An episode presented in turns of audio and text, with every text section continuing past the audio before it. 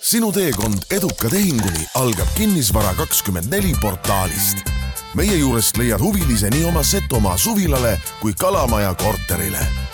kuuluta õiges kohas kinnisvara kakskümmend neli punkt ee ja kinnisvarajutud podcasti järjekordne osa on eetris. oleme siin mõnusalt sulnilt istet võtnud Algise uues kontoris, kus me tegelikult oleme juba mõnda aega salvestanud, aga uus asi on ka pikemat aega uus, kui seda hästi hoida. Tere, Algis! tere, Siim! minu nimi Siim Semiskar, minu kõrval Algis Livlik kes veel ei tea, kes ei ole meie saadet kunagi kuulanud, siis see on just õige koht, kus alustada, sest palju on meilt küsitud, et miks te mehed enam ei tee kahekesi saateid niimoodi, et laua peal ühtegi küpsist ja kommi ei ole ja tõsine kinnisvarajutt ainult. kuule, kusjuures hea märkus, ei ole jah ühtegi, ühtegi küpsist ega kommi, nii et no näed, et teed omad järeldused siit siip, et kui külalised on kohal, siis on laud kaetud, onju. et ähm, aga miks minu jaoks oli ka tegelikult üllatav see, et mõni aeg tagasi me tegime ju küsitluse Facebooki grupis, et milline on siis äh, lemmiksaade olnud ja, ja jagasime Lumiorava äh, vett. et siis äh, siis sealt tuli välja, et oh, et Siimu ja Algise saated, et päris mitu inimest tõi nagu välja, et minu jaoks, enda jaoks on alati need sellised noh, noh, ei ole nii huvitav, sellepärast et teiste inimeste lugu kuulata või kuidagi nendelt nagu õppida ja, ja sinna sisse pugeda nagu on nagu päris, päris põnev, et aga no siis teeme täna üle pika aja, täidame selle lünga just, ja kuna me ei ole kahekesi nii-öelda siin vaikselt äh, eetris olnud pikka-pikka äh, aega, siis teeme väikese uudisnurga ka, et Algis, kuidas sul läheb? tänan küsimast äh, läänerindel muutust, et tööd on palju. Lääne-Virumaa rindel. aega on vähe, aega on vähe, et et selles mõttes läheb ähm, väga töiselt ja, ja tegusalt, et hetkel äh, selle, selle saate salvestamise ajal on jäänud kinnisvaramaaklerite konverentsini poolteist nädalat, mida ma korraldan et, et käib nagu kibe töö, mitte, ei, mitte kibe töö, selles mõttes tihe töö, äh, kibe ei ole õige sõna, tihe töö selle, selle nimel, et üks äge asi tuleks sealt.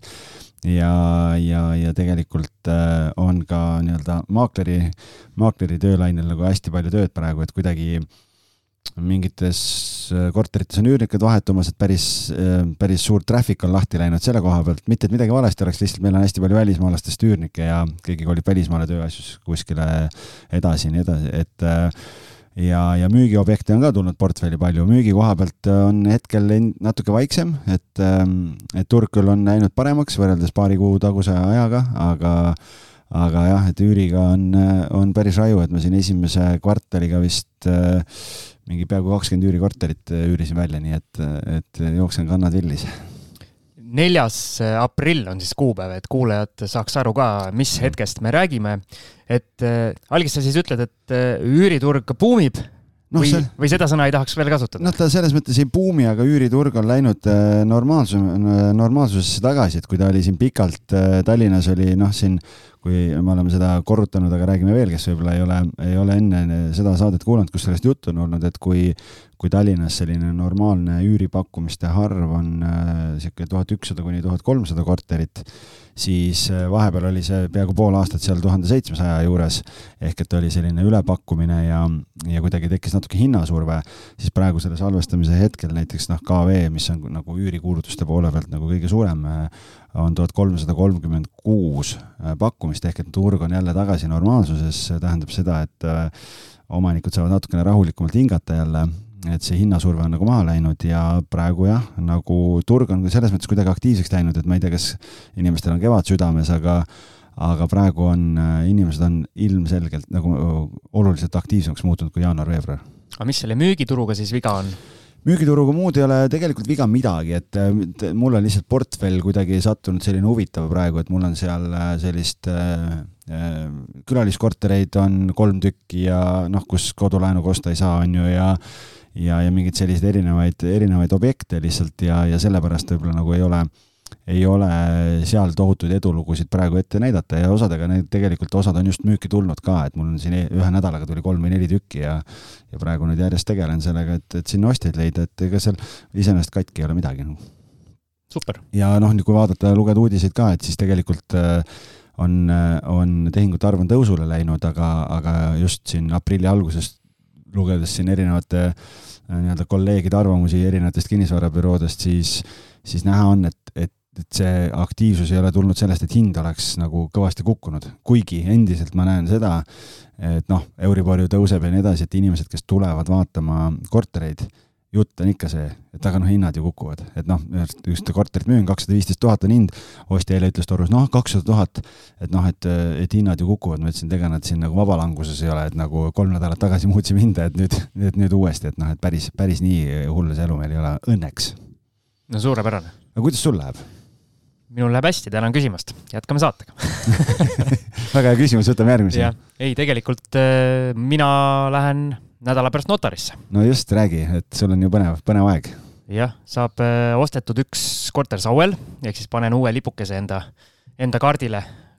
piilun endiselt siis äh, neid nii-öelda Tallinna kuldse ringi väike alevikke ja. aga, aga see on see on natuke suurem korter, kui sul tavaliselt portfellis on, et sa nüüd oma Jüri korterist innustatuna siis läksid suuremate korterite äh, manu või? no ütleme nii, et ma läksin ikkagi Jüri korteriga võrreldes sammu tagasi, aga suurem kui mul need ühetoalised jah ja., et äh, tegemist siis nii-öelda paberite järgi või ametlikult on kahetoalisega, aga reaalsuses võib päriselus on seal kolm tuba, ehk siis elutuppa on ehitatud selline nii-öelda uksega väike ruudukujuline umbes viie, viie ruutmeetrine tuba, mille nii-öelda võimalus on see, need seinad maha võtta, et hästi, hästi lihtsalt saaks selle taas kahetoaliseks, aga ma arvan, et funktsionaalsuse mõttes ma siin olen ekspertidega, algis ja näiteks olen äh, nii-öelda arutanud, et äh, kõik seni mulle on öelnud, et äh, vist on mõistlikum jätta kolmetoaliseks. aga see viie-kuueruudune tuba, mis selle funktsioon on seal? no funktsioon, kas siis nii-öelda kodukontor, üks variant, mis siin vist Covidi ajal väga populaarseks sai. ja siis ikkagi väike lastetuba ka, et näiteks kui on vaja laps magama panna, siis paned ukse kinni ja saad oma toimetusi vähe nii-öelda lihtsamalt teha, et ei pea. mis pank ütleb selle peale, et paberimajandus justkui ei ole korras? No põhimõtteliselt paberimajandus on selles mõttes korras, et hindamisaktil oli kirjas, et see on kahetoaline, aga sinna on ehitatud kergseinast äh, väike kuubik siis, mis on hästi lihtsalt nagu eemaldatav, et äh, okay. ma, ma ikkagi ostan ka kahetoalist ja kuna ma võtan ärilaenu, siis pangal on täitsa ükskõik. okei okay. ah.. vot seda, et pangal on ükskõik, ma ei usu, pankadel no, ei ole kunagi ükskõik selles mõttes ükskõik, et äh, nende jaoks ei ole see laenu väljaandmisel takistavaks teguriks. sest Kule kui ma neile veel seletasin ka, et tegelikult see on nagu võib-olla ärilises mõttes isegi pluss. aa, no vot, on ju, et ja. saab rohkem raha, no mis ja. pangal selle vastu ja. on, kui. väike kolmetoaline, need on algise kuldsed sõnad, kuulake nüüd kõik, pange kirja. väikesed kolmetoalised on kõige minevam kaup ma ei tea, kas sa täpselt niimoodi ütlesid. ei noh, selles mõttes, et noh, ütleme ja, et ega kui sa vaatad niimoodi, et et pered, kes tahavad näiteks kahetoalisest kolmetoalisesse kolida ja kui sul on väike kolmetoaline ja, ja sul nagu kommunaalide mõistes ja nagu erinevust ei tule ja üüri mõistes äh, maksad seal, ma ei tea, sada, sada viiskümmend äh, või kuni kakssada eurot sõltuvalt korterist rohkem, noh, siis tegelikult äh, mida väiksem ühik, siis tüki mõistes on ta nii-öelda nii üürimise kui müümise mõistes ju soo-, nii-öelda mm, taskukohasem ja sulle tegelikult investorina väikest kolmetoalist osta samamoodi tüki hinna mõistes on soodsam, aga, aga samas see lisatootlus, mis sealt selle ühe lisatoa arvelt tuleb, on nagu päris arvestatav, et jah, ja kui me rääkisime siin nii-öelda sinu näitel äh, müügiturust ka, siis minul õnnestus äh, põhimõtteliselt peaaegu viiekohaline summa alla saada no, leti hinnast. väga hästi. et äh, siis natuke üle kümne protsendi. aga ma arvan, seal saigi määravaks see, et nad olid äh, teinud äh, omavoli, äh, korteri paberimajandus ei olnud korras, väga paljusid see hirmutab. pluss kes... seal on vaja kindlasti renoveerida, uus köök vaja sisse panna, ehk siis see korter nõuab tööd, täpselt sellist tööd, nagu mulle meeldib teha ehk siis. noh, ja kui sa oleks, kui ostja läheks seda kodulaenuga ostma, siis seal võib tekkida probleem, sellepärast et see on, see on nagu teine asi, on ju, ja see oli see, see koht, kus äh, nii-öelda sinu investori targad silmad äh, märkasid võimalust? no kui sa nii ütled, jah, et äh, kuule, aga, aga, aga sa tegelikult oled siin äh, ühte huvitavat põldu veel kündnud vahepeal, et et räägi, räägi sellest ka, et millega sa, mis sa seal korraldad seal Jüris? jaa, ma proovisin, meil oli siin hiljuti tuli välja ka, aga salvestus oli juba üsna ammu see kohtutäiturilt eh, kinnisvara ostmine. saade sada, saade sada kolmkümmend, kes ei ole kuulanud. et mul hakkasid kohe näpud sügelema ja läksin, eh, läksin kerima neid erinevaid kohtutäiturite pakkumisi ja avastasin sealt midagi üllatavat, mida ma tahtsin endale ka osta, aga Algis, ma nüüd üllatan sind, sellest me teeme boonusosa. ahaa, okei okay.. Mul on selline plaan. aga räägi ära siis, mis sa ta osta tahtsid, et äh, ja ka sellest detailidest ja kõigest sellest sisust äkki teeme boonusosa siis, jah? jah, ma tahtsin osta Jürisse, kus ma ise elan, siis tahtsin osta kaks garaaži. ahah et veel laiendada oma seda horisonti. ma mõtlesin, et ma hakkan äh, autodesse investeerima ah,, uunikumidesse. nii hästi läheb, et on vaja, et pühapäeva auto ja, ja laupäeva auto ja yeah. siis on naisega kohvikus käimise auto ja yeah. noh, super, mul on hea meel su pärast. aga tegelikult täpsemalt saate siis boonusosas teada, kuidas, kuidas päriselt oli. väga hea. vot, aga nüüd on uudisnurk tehtud, kümme minutit äh, nagu ühes korralikus raadiojaamas täistunni uudised yeah hei üüriinvestor, otsid järgmist põnevat projekti? vaata kindlasti Kinnisvara kakskümmend neli portaalist, kust leiad värsked pakkumised nelikümmend kaheksa tundi varem kui mujalt. Siis äh, edasi läheb nüüd tänane saade niimoodi, et äh, meil on hästi palju äh, öeldud ka seda, et, et võiksite neid algajate teemasid ikkagi uuesti ja uuesti rääkida, sest küsimusi tuleb kohati isegi väga palju selliseid, mis nagu tundub, et me oleme korduvalt saadetes läbi käinud ja justkui meie kuulajad teavad, aga tegelikult eh, kuna meil eh, on ju jälgijaskond aja jooksul väga palju kasvanud ja pidevalt kasvanud, siis neid eh, uusi inimesi ja algajaid tuleb ka kogu aeg juurde. ehk siis mõtlesime, et astume sammu, sammu tagasi, käime enda jaoks ka võib-olla mingid põhitõed üle ja kordame, sest kordamine on tarkuse ema, Algis teab seda väga hästi. jaa. jah aga noh, tegelikult äh, veel korra Siimule täienduseks lihtsalt jah, öelda seda, et äh, vot noh, et meie oleme ise ju koos selle saatega kasvanud, on ju, et noh, sada kolmkümmend pluss äh, osa juba. et, et ise mõtled, et noh, ma olen, ma olen terve, terve selle aja ju noh, me oleme kõik need teemad läbi käinud aga, aga kipume võib-olla ära unustama seda, et mitte ükski, enamus inimesi ei alusta meie saate kuulamist niimoodi, et noh, võtan esimese ja hakkan sealt minema, vaid kuulatakse mingit episoodi ja siis vaadatakse, et aa, et mis saateid veel on ja kuulatakse võib-olla täiesti suvaliselt et äh, ja, ja võib-olla need algajate saated ei olegi silma hakanud üldse, nii et, et sellepärast meile endale võib-olla tundub, et noh, kõigest on juba nii palju räägitud, aga, aga tegelikult äh, osad ei tea midagi veel. just, ja üks plaan on meil veel, kuidas nii-öelda algajatel seda suurt äh, isu täita, mis neil kinnisvarasse investeerimise vastu kindlasti on. Algis. jah, ja sellest tulenevalt äh, siis on kinnisvarajuttude kõrvale sündinud teine bränd veel ehk kinnisvaraseminarid nii et kes, kes veel ei ole, siis äh, kutsume jälgima meid äh, Instagramis ja, ja Facebookis, et äh, kodulehekülg on hetkel veel valmimisel, kinnisvaraseminarid.ee, aga kes teab, võib-olla selleks ajaks, kui see saade ilmavalgust näeb, on juba, on juba lehekülg ka olemas. nii et, et see on lähiaja küsimus ja tegelikult see kinnisvaraseminarid siis ongi, ongi selle jaoks just, et koondada siis nii-öelda erinevate teemade mm, nii-öelda tarkused ja teadmised kokku kokku ja pakkuda siis inimestele võimalust, et osadele meeldib kuulata, aga osad tahavad õppida nagu reaalselt, et siis, siis äh, sinna tulevad, äh, tuleb info nii nii-öelda äh, konverentside ja, ja nii-öelda, kuidas ma ütlen siis, saali ürituste kohta kui veebiseminaride kohta, mida me korraldama hakkame. just, mõtle, Algis, kui me alustasime kunagi podcast'i, kas oleks osanud mõelda, et meil on podcast, siis meil on päris korralik Facebooki grupp, kus järgmine pool tuhat inimest on täis saanud Äh, seitse pool tuhat peaks olema meil seal Facebooki grupis. vaatasin jah, et uskumatu. jah, siis äh, on meil äh, Jaago suure abiga sellised, ütleme siis kinnisvaraõhtud, sellised live-üritused, mida me küll korraldame üsna, mis see kaootiliselt. kaootiliselt on õige, õige sõna, jah. et seal kindlasti peame ennast parandama, aga varsti on üks selline ka plaanis lihtsalt lisainfoks siia. ja siis äh, algise mahitusel nüüd suured-suured konverentsid tulemas, kui nii ja. võib neid nimetada, eks? ja, et tegelikult on jah, siin võib praegu välja hõigata, et tegelikult on tulemas äh, äh, mai teises pooles äh, tuleb äh, esimese asjana tuleb äh, lühiajalise üürimise äh, selline ühepäevane äh, konverents, mis toimub küll äh,, ei ole nagu saaliüritusena, aga ta on äh, veebi, veebi kujul ja valitud, mitte valitud, aga, aga väga piiratud koguses inimesi saab tulla ka koha peale saali, eh, kakskümmend kohta.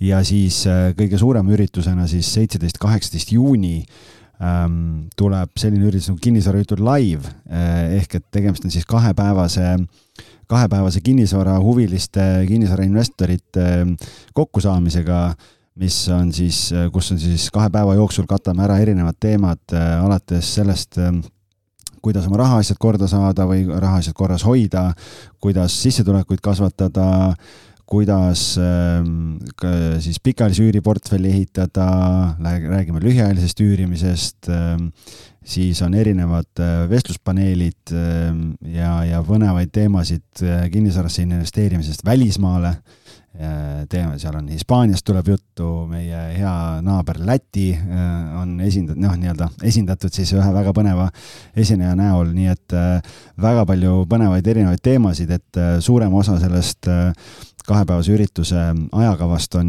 on juba paigas ja, ja mingid nii-öelda augud vajavad veel täitmist. ja, ja võib-olla see jah, tõenäoliselt selleks ajaks, kui see saade juba väljas on, on, oleme alustanud ka piletimüügiga. lihtsalt äh, on, tore on see, et, et me tegime sinna eelregistreerimise, et inimesed registreeriks huvi ära ja need inimesed, umbes kakssada inimest, kes siis ähm, natukene üle kahesaja kes huvi registreerisid, nemad, nende postkasti läheb kiri siis kõigepealt ja nemad saavad nagu eriti, eriti soodsa hinnaga piletid osta ja siis äh, avalikku müüki läheb pärast seda. ja võib-olla ma räägin äh, algise pehmeks, meie Patreoni toetajad saavad ka võib-olla üsna esimeses järjekorras äh, ennast sinna üritusele möllida. jah, just, et, et need, kes huvi registreerisid ja meie Patreoni toetada, aga, aga seda nimekirja vaadates, siis väga palju tuttavaid nimesid oli, nii et. jah? ilmselt jah, seal on nagu suur osa sellest seltskonnast on seal juba esindatud. Need, kes on aktiivsed, need on aktiivsed igal rindel. noh, ega siis nad äh,. Nad ei maga, kinnisvarainvestor ei maga. Nad ei maga, nad on kohal, et, et selles, et see on nagu tore ja ma arvan, et see tuleb üks väga äge kahepäevane selline üritus, nii et, et see tuleb Tallinnas et, et siis äh, stay tuned. ja üks asi, mida mina siin äh, südamele panen kõigile kuulajatele, on see, et et Algis küll praegu rääkis pikalt ja silma särades seda nii-öelda ajakava ja noh, ühtegi konkreetset esinejat küll välja ei toonud, aga mina enam-vähem tean, kes see line-up või mis või milline see line-up saab olema, et päris uhke värk. aga see on asja ainult üks külg. teine külg on see, mida meil eh, väga paljud külalised siin saates pidevalt on toonitanud, et see, et see networking ja kohal käimine, suhtlemine, see on see, mis lõpuks kinnisvarainvestorile selle nii-öelda suure edu toob, kui on ikkagi suured plaanid, siis ilma suhtlemise ja nii-öelda network'i kasvatamiseta ilmselt väga hästi ei saa. Ja, ja seal on tegelikult ongi plaan niimoodi, et see üritus toimub äh, laupäev-pühapäev, kaks päeva ja laupäeva õhtul on siis peale ametlikku osa on ka on ka mitteametlik osa, kus siis äh, saab äh, mõnusalt omavahel suhelda ja, ja uusi tuttavaid nii et, et selles mõttes ma arvan, et see on on, tuleb sihuke, ma olen ise hullult äh, ootusärevil, et, äh, et selline tore asi, nii et äh, täidame ühe, ühe tühimiku ära, et erinevaid selliseid ja tervitame siin, tervitame siin Marko Oolot ja kõiki teisi, kes on investeerimisfestivali ju kunagi, kunagi loonud, nii et, et, et selline äge suur üritus on sealt peaaegu kümne aastaga välja kasvanud, et et teeme siis kinnisvarahuvilistele eraldi ürituse, kus oleks ainult, ainult meie lemmikteema ja, ja läbi ja lõhki siis erineva nurga alt. just ja nagu vana hea selle telepoe reklaam ütleb, aga see pole veel kõik. Sest äh, me tahame ikka veel teha ja veel teha. Ja siis me otsustasime, et, et äh, nii-öelda päris algajatele ja sealt edasi, mingil hetkel ka edasi jõudnutele pakume me veel ühe variandi. ja tegelikult, äh, tegelikult on plaan meil kõige nii-öelda esimese sellise online äh, kursusega või sellise koolitusega välja tulla, mis ongi siis äh, alustajatele mõeldud ja, ja selle nimeks saab siis kinnisvarasse investeerimise abc. ehk kõik, mida sul on vaja teada sellest, äh, kuidas kinnis, miks üldse ja kuidas kinnisvarasse investeerimisega alustada ja otsustasime Siimuga siis, et täna lihtsalt äh, arutame need teemad läbi, millest seal koolitusel juttu tuleb lühidalt, et, et ma arvan, et need, kes võib-olla nagu päris tunnevad, et ei taha äh, mingil põhjusel või ei vaja äh, selle ostmist, ikkagi tegelikult jälle väike selline äh, meeldetuletus siis kõikidest nendest teemadest ja kõikidest võimalustest siis ka, et mis need üldse erinevad kinnisvarasse investeerimise võimalused on.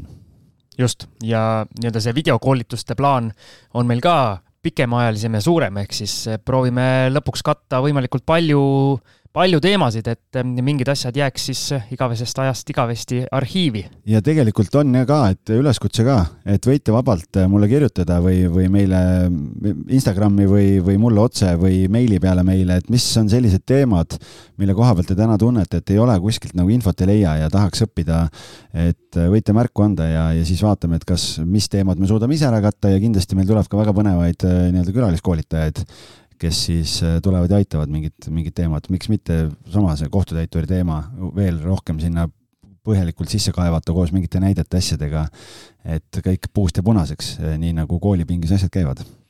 nii, aga pikk jutt pidi olema seesamune siis alustame tänase saatega, nagu Algis juba vihjas, põhimõtteliselt pealkirjaks äh, on tänasel saatel kinnisvarasse investeerimise abc ja, ja tegelikult seal, kui me seda kondikava kokku panime, siis, siis tekkis see, see küsimus üles, et, et mis asi üldse on kinnisvara? Ja siis ma ütlesin Siimule, et, et, et kas sina tead? Ja Siim võttis doktor Google'i appi ja mis doktor Google ütleb meile, mis on kinnisvara üldse? Nii, leidsin siis kuulsast Vikipeediast ikkagi mingi kinnisvara, mis selle õige sõna, mul ei tule sõnad täna meelde. definitsioon. definitsioon, jah kõik ma... rasked sõnad on, äh, on. võta, võta lumiorava vett vahele, et see teeb meele ärksaks ja, ja aitab, aitab üles ärgata. jah, hea mõte. ühesõnaga, kinnisvara on omand, mis koosneb maast ja sellel asetsevatest ehitistest, lisaks maa loodusvaradest äh,, harimata taimestikust, loomastikust, põllukultuuridest ja kariloomadest, veest ja maavaradest. kõlab väga põneva algusena, tohutult kaasakiskuv. jah et.... aga et äh, mõiste kinnisvara tähendab reaalselt siis kas reaalset või füüsilist vara?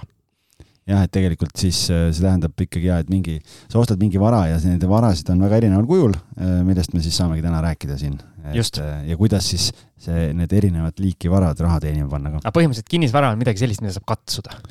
on ja. nii? noh, jah, et ütleme no ma praegu üritan mõelda, et. Äh, mida ei saaks katsuda noh, jah, ütleme nii, et kinnisvarasse saab investeerida ka nii, et sul ei ole seda vara, mida sa katsud. Äh, no siis on alusvaraks on ikkagi aga, aga selline see, asi, mida jah, saab katsuda. jah, see, kuhu see raha läheb, see on, see on ikkagi jah, selline käega katsutav asi. nii, nüüd sa läksid liiga keeruliseks. tuleme tagasi jah, aga Siim, sina, sinuga me oleme rääkinud sellest, et, et kui Covid tuli siis äh, sina olid sihuke väärtpaberite mees äh, ja, ja laenude mees enne seda ja siis sa hakkasid äh, kinnisvarapõldu kündma, et äh, miks investeerida kinnisvarasse? miks investeerida kinnisvarasse? miks mitte? jah, mul oli seesama esimene vastus oli kohe see, et aga, aga why not on ju. aga ma võin siis vastata selles mõttes, miks, miks mina seda teen või miks minul see nii-öelda silma särama lõi ja sa saad siis täiendada.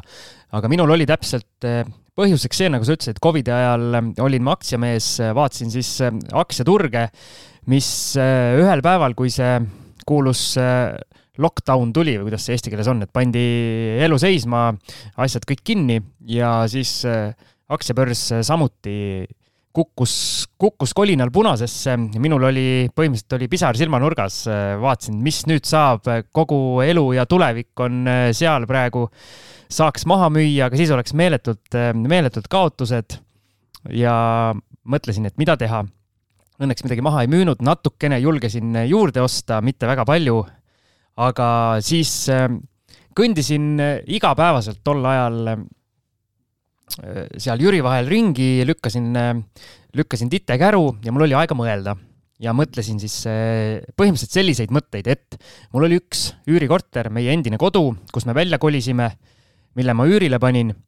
Ja mõtlesin, et aga selle üürikoduga või selle üürikorteriga mul ei ole mingeid probleeme, üürnik maksab äh, ilusti oma renti, rahulikult raha laekub, ma ei tea, kui palju selle korteri reaalväärtus või hetke turuväärtus on langenud, kuna ma ei saa seda igal sekundil kuskilt äh, veebist vaadata. erinevalt siis aktsiatest, mis mul kohe nii-öelda jooksevad punasesse või rohelisse, iga sekund saab vaadata, kui palju midagi maksab ja siis ma nagu mõtlesingi, et aga äkki on kinnisvara just minusuguse nii-öelda tagasihoidliku ja sellise veidi äreva investori jaoks, et see on niisugune aeglasem, aeglasem varaklass,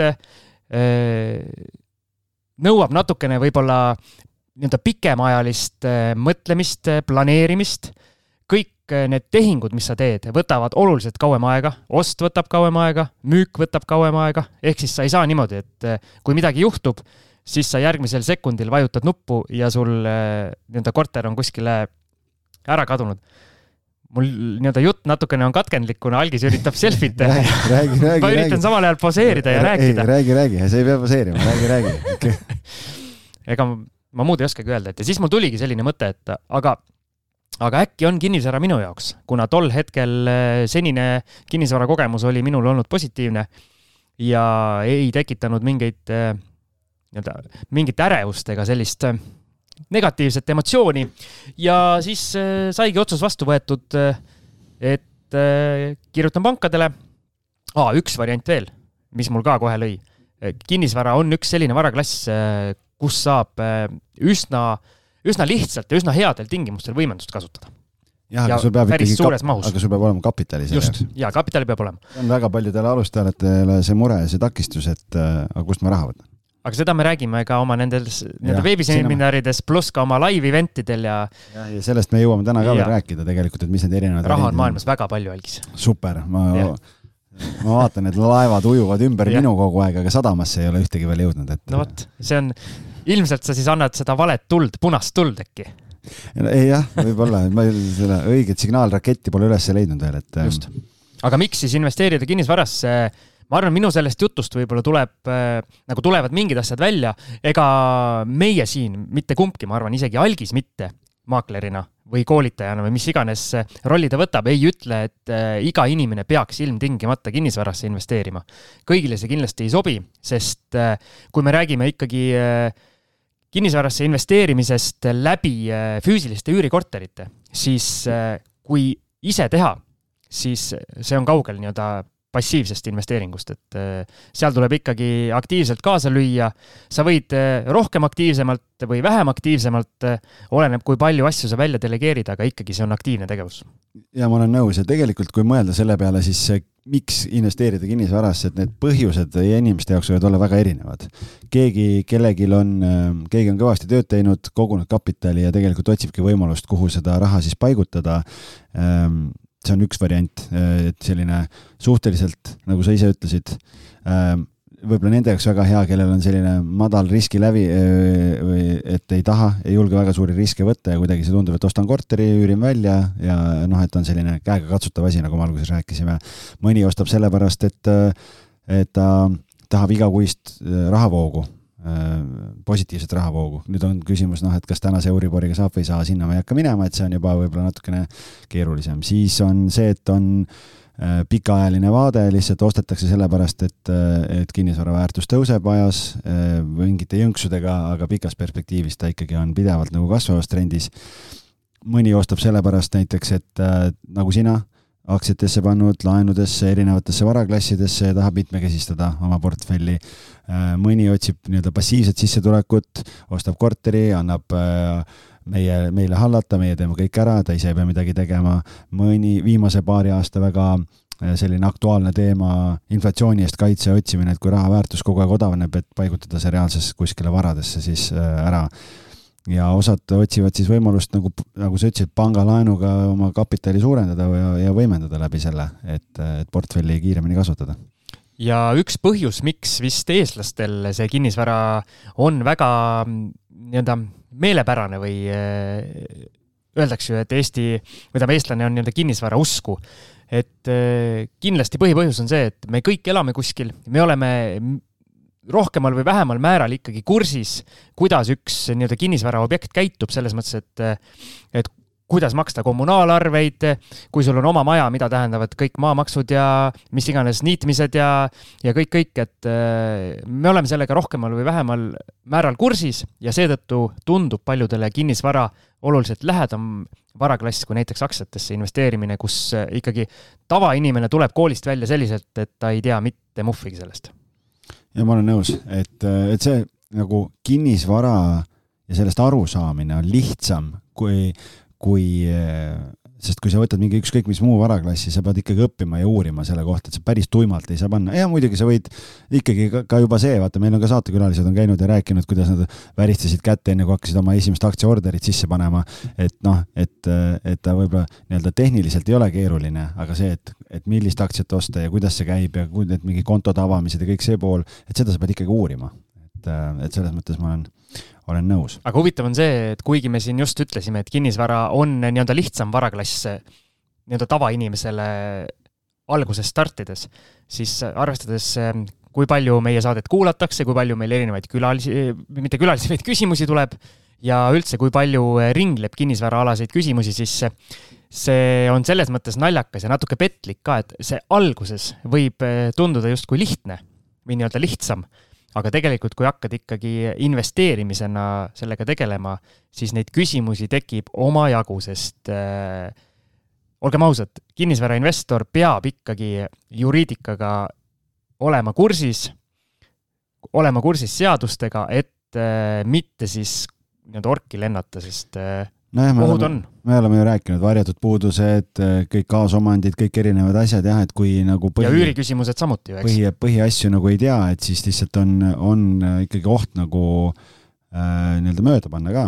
et tegelikult ongi neid riske siis äh, mis kinnisvarasse investeerimisega seotud on, et, et nii nagu iga, iga muu varaklassiga ka äh,, Äh, on ikkagi kaasnevad ka kinnisvarasse investeerimisega riskid ja, ja sellega ütleme siin disclaimer'i korras siis ära ka, et me nagu investeerimisnõu ei anna, me jagame Siimuga oma kogemust äh, ja, ja parimaid teadmisi, mis meil on, aga lõpuks igaüks teeb oma otsuse nagu ikkagi ise, et aga, aga Siim riskidest rääkides, siis, siis noh, mis, mis on võib-olla kõige sellised suuremad või olulisemad riskid, mida siis inimene, kes tahab hakata kinnisvarasse investeerima, millega ta arvestama peaks? Siin ilmselt tasub nii-öelda suure asjana kohe ära öelda, et tegelikult iga investeeringu puhul on suurim risk kaotada põhimõtteliselt kogu oma raha, et eh, investeerida saab seda kapitali, mida sa põhimõtteliselt oled nõus kaotama või tähendab, oled valmis kaotama selles osas, et eh, see, see ei lükka sind eh, nii-öelda upakile. et see oli suurim, suurim viga, mida ju eelmise kriisi ajal tehti, oligi see, et vanemate kodud ja kõik asjad pandi tagatiseks ja siis kaotasid oma vara ja kõik kui sul eh, vanemad ja kõik jäid oma varast ilma ja olid põhimõtteliselt siis nii-öelda pankrotis. just, aga hakkame siis minema nii-öelda riskidega.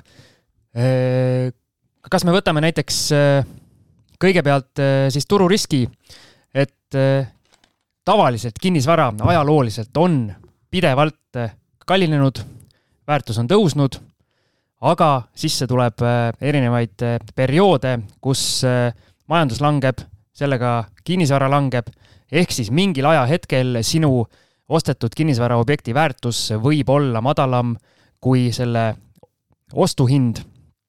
ehk siis äh, see on risk, aga nagu me oleme öelnud, äh, kui on pikk plaan, siis äh, see risk võib-olla ei ole selline asi, mis kõigi investorite nii-öelda peas on kogu aeg mul, mul tuli muidugi super lause nüüd, ma siin mõtlesin. No, ja see on okei okay., ma arvan, et, et ega siin äh, nii, nii süvitsi võib-olla polegi nagu mõtet minna, aga jah, et selles mõttes, et elu ei ole kunagi sta-, staatiline või stabiilne, et alati on tõusud ja mõõnad ja, ja nii käib ka ju majanduses. Ja, ja kinnisvaraturg on alati osa ju majandusruumist, nii et, et, et need on omavahel väga otseses seoses üks risk, mis minul pähe tuli, on poliitiline risk, et vaadates seda, mis äh, Ukrainas toimub, siis, siis äh, noh, ükskõik millises riigis kuskil sõda käib, et noh, kui sul see kinnisvara on, aga see maha pommitatakse, siis, siis äh, noh, kelle, kelle õlale sa nutma lähed, et noh, lähed panka, ütled, et sorry, aga mul oli kinnisvara, siis noh, kedagi ei huvita. väga, väga aktuaalne ja väga aktuaalne praegu on ka nii-öelda finantsrisk, et kui Euribor on siin kõvasti tõusnud, eh, siis eh, võimendusega ehk laenuga ostetud kinnisvara on eh, muutunud selles osas ostjale kallimaks, et tuleb rohkem intressi maksta ja kui sul on näiteks üürikorter, mis enne oli rahavoo positiivne, siis üsna reaalne on, et see enam nii ei ole. ja siis äh,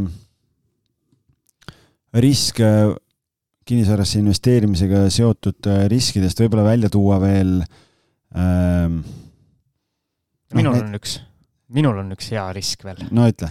vakantsus.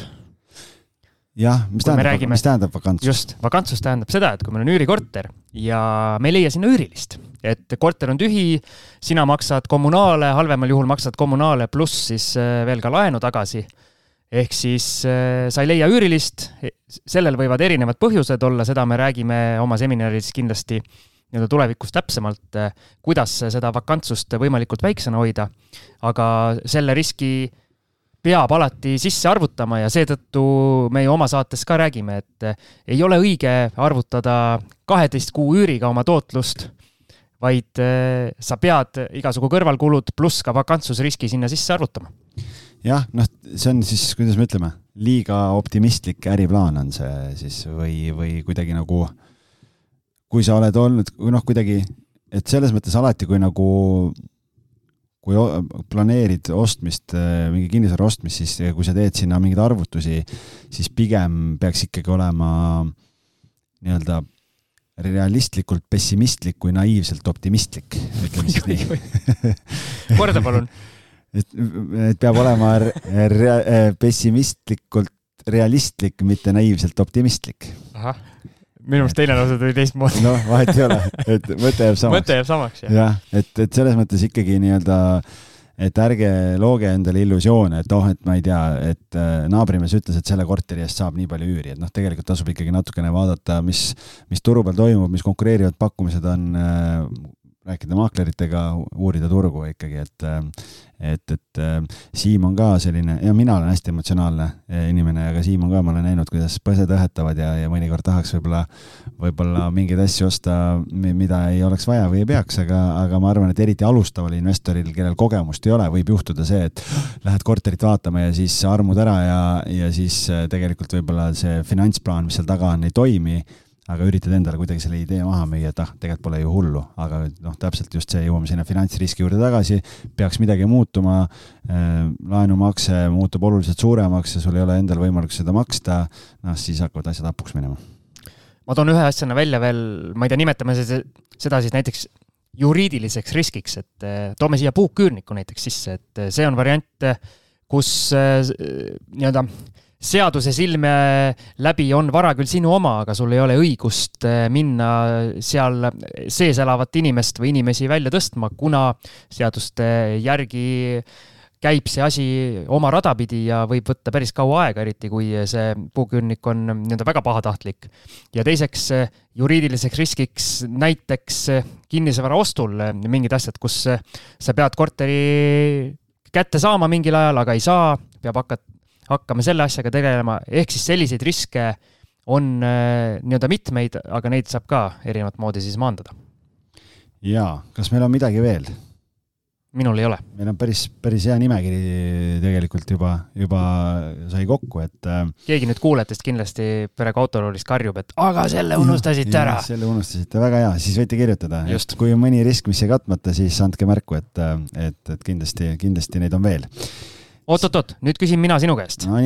sina, vana rahaboss milline on kinnisvarasse investeerimisel reaalne tootluse ootus? küsin seda sinu, sinu käest sellepärast, et sina ju investoritega töötad. mida sa investoritele lubad? ma arvan, selline kolmkümmend prossa kuus. jah, jah, päevas et tegelikult äh, noh, tootlusest üldse rääkides, et, et mis see tootlus siis on ja tootlus saab ka ju väga erinevalt arvutada, aga, aga ütleme, et kui me räägime puhtalt nii-öelda äh, rahavoo baasil tootlusest ehk et see tähendab siis seda, et sul on äh, aasta üür jagatud äh, kinnisvara selle väärtusega, äh, mis sul on, et siis ähm, tihti ka soetusmaksumusega siis nii-öelda ostuväärtusega. ütleme siis aasta netoüür, ehk siis netoüür. sealt on kõik kulud maha võetud. kõik kulud maha võetud, kõik see, mis sul jääb kätte üürina, et, et see, see siis aasta üür jagatud siis selle selle ostusummaga, see on nagu kõige lihtsam ja lakoonilisem selline tootluse arvutamise mudel, et on veel omakapitali tootlused ja kõik muud asjad, aga ma arvan, et seda võib-olla praegu siin ei hakka. iga inimene arvutab enda jaoks seda tootlust ka erinevalt, see on meil saadetes ja. välja tulnud. on ja, ja mulle ka kirjutas üks päev just üks kuulaja, kes ütles ka, et kuule, kuidas ikkagi nagu noh, et nii palju erinevaid variante on, et kuidas teie arvutate, onju.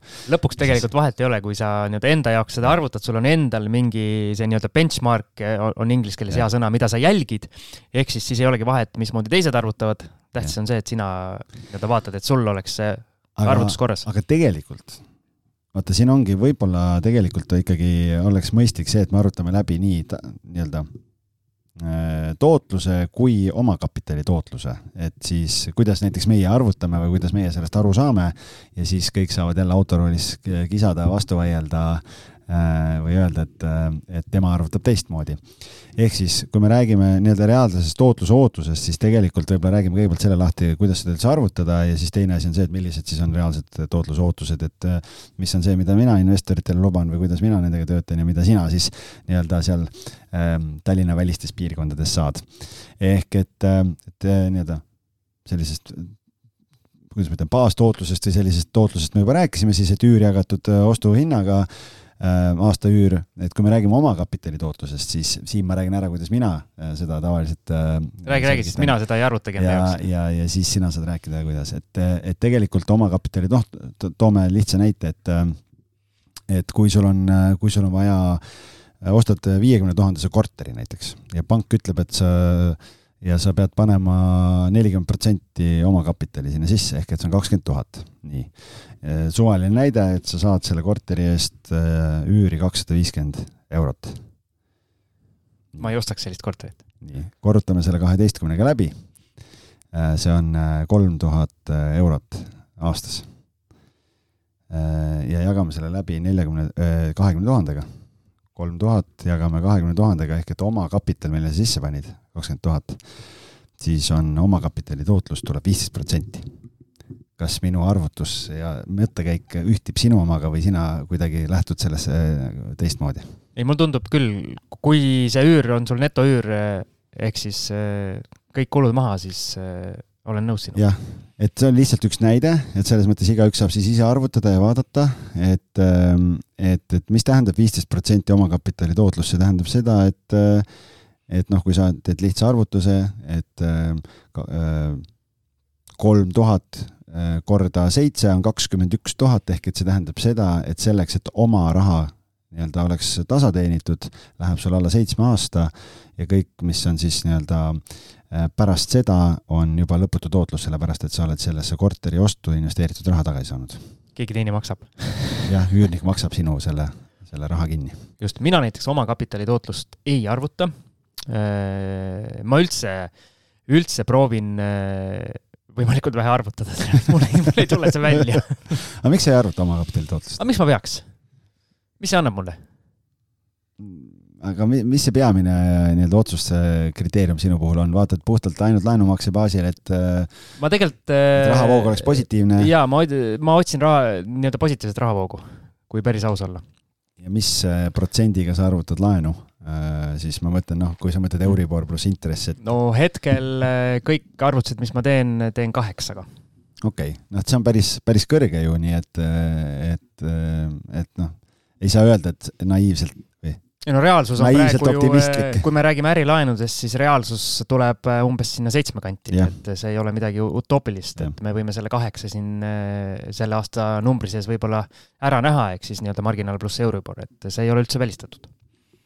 Ehk siis jah, nii-öelda enesepettusega ma ei tegele ja kui me nüüd räägime siis sellest, et küsimus oli, jõuame küsimuse juurde ka okay., et oli, et milline on siis kinnisvarasse investeerimise reaalne tootluse ootus, noh siis see sõltub hästi palju piirkonnast tegelikult, et, et mis meil selle sada kolmkümmend pluss saate jooksul on välja koorunud siit, on see, et ega Tallinnas täna ikkagi noh, praegu me investoritele otsime kortereid, siis no nüüd leiab jälle selliseid kuue protsendiga. oota, üks asi veel mis meil tegelikult jäi mainimata, sa küll lauses selle mainisid ära, et äh, sina räägid äh, rahavoo tootlusest, aga kinnisvara puhul, kui me räägime üürikinnisvarast, siis tegelikult tootlus ju äh, nii-öelda põhineb kahel aspektil, üks on see rahavoo tootlus ja teine on tegelikult kapitali kasv ka. kui sa küll ei realiseeri seda kapitali või seda objekti kunagi, siis seda kapitali kasvu sa nii-öelda kätte ei saa reaalselt, aga põhimõtteliselt ma tean inimesi, kes arvutavad ikkagi sellise ütleme siis mõttelise väärtuse kasvu ka sinna tootluse numbri sisse juurde.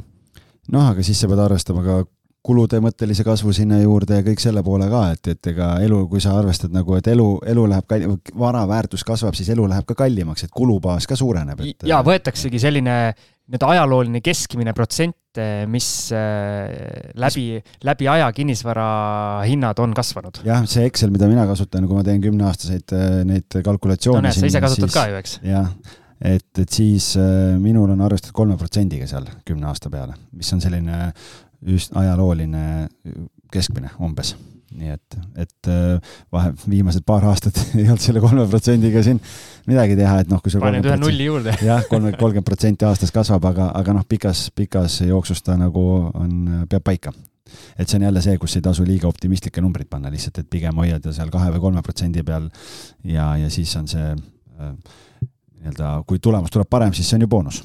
just. okei okay aga meie räägime siis rahavoo tootlusest, kui me nüüd edasi räägime ne ja, nendest numbritest, et oleks selge. nii, aga Tallinnas siis, mina täna, kui me investoritele otsime, noh, nüüd juba leiab jälle kuute protsenti ka, et vahepeal oli nagu juba keeruline, et, et ei leia, nii et noh, kui me enne rääkisime siin et täna siin Euribor ja baasintress on siin seitse ja võib-olla jõuab ka kaheksa peale, siis see tähendab seda, et tihtipeale ikkagi need objektid on rahavoo mõistes negatiivsed, ehk et investor maksab ise äh, natukene peale, aga, aga see, see väiksemates piirkondades äh, need tootluse numbrid on kõrgemad ja, ja tegelikult meile noh, sõltub ka sellest jälle, et kui on nagu alustav kinnisvarainvestor, siis võib-olla mõistlik ära mainida see, et, et me pärast küll läheme sinna rohkem võib-olla sinna teemasse, aga aga on see, et, et tihti ostetakse kodulaenuga hoopis esimene investeerimiseks korter ja noh, kui sul kodulaen on kaks protsenti ja, ja Euribor jõuab neljani, ta on kuus protsenti, siis sa saad ka rahavaba mõistes nulli või, või kergelt positiivse ja kui me läheme Tallinnast väljapoole,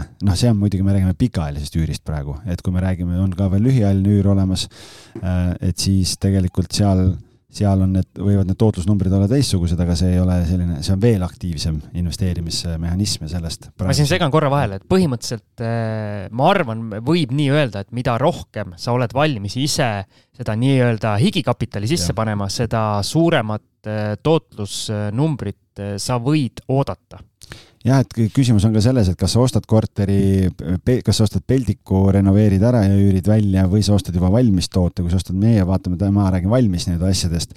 et kui, kui osta nii nagu Siim, et sa näed, haistad võimalust lihvimata teemantit, vahetad köögide asjad ära, teed, teed värskendad korteri ära, siis need tootlusnumbrid reeglina tulevad paremad, aga see on, see protsess on oluliselt pikem ja, ja põhjalikum et, et, et noh, et see on, need on nagu natukene erinevad asjad. Ja, ja kõik, ma ütlen, need teemad jooksevad meil risti-rästi siit läbi ja me pärast räägime ka jälle nendest erinevatest võimalustest siis, et mis need erinevad variandid on, aga noh, mina Tallinnas jah, ma räägin viis-kuus protsenti täna, eh, sina oled siin äärealadel, mis, mis numbrid sealt vastu vaatavad?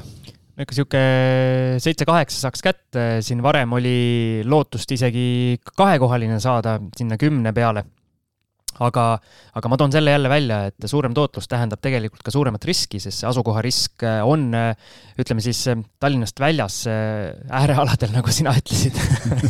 Põlise tallinlasena, eks.